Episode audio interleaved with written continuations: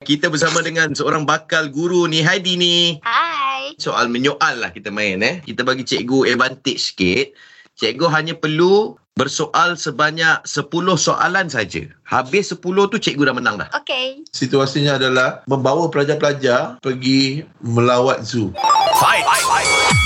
Berapa orang yang nak pergi ni? Kita nak tengok binatang apa dulu ni jago? Pukul berapa nak gerak ni? Ramai ke? Kenapa ramai tak ikut ni? Siapa yang tak ikut? Makan apa kejap lagi? Ada makan eh? Mana kita nak pergi dulu? Itu soalan saya kan? Lambatnya. Harimau ke singa yang garang lagi? Ha, harimau ke singa ke lah. Kenapa lambat sangat jawab? Kenapa bising-bising ni? Apa dia? Bila kita nak balik ni?